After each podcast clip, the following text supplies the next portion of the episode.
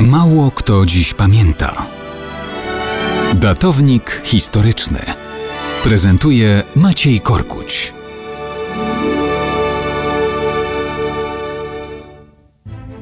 Mało kto dziś pamięta o rozrywkowym niemalże wypadzie króla jerozolimskiego Baldwina I na niewiernych 17 maja 1102 roku.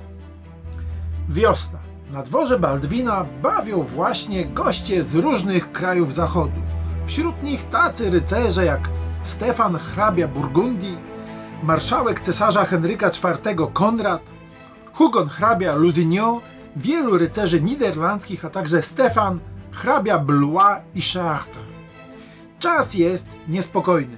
Baldwin jest jednak przygotowany na poważną wojnę, ale akurat tego dnia zwiadowcy przynoszą do Jerozolimy wieści o pojawieniu się w okolicach Ar-Ramli niewielkiego podjazdu muzułmanów z Egiptu. Baldwin proponuje swoim gościom szybki wypad na niewiernych. Jedynie Stefan z Blois próbuje coś powiedzieć o potrzebie lepszego rozpoznania sytuacji, ale miał on reputację dosyć mocno skażoną tchórzostwem w poprzednich latach, więc nikt go nie słucha, a on sam nie za bardzo nalega. Jemu nie wypada. Towarzystwo więc na czele zaledwie 500 konnych rycerzy pośpiesznie wyjeżdża z Jerozolimy.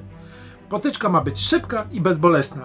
Jadą wprost na Arabów. Na równinie pod Ar-Ramlą stają oko w oko z przeciwnikiem i wtedy...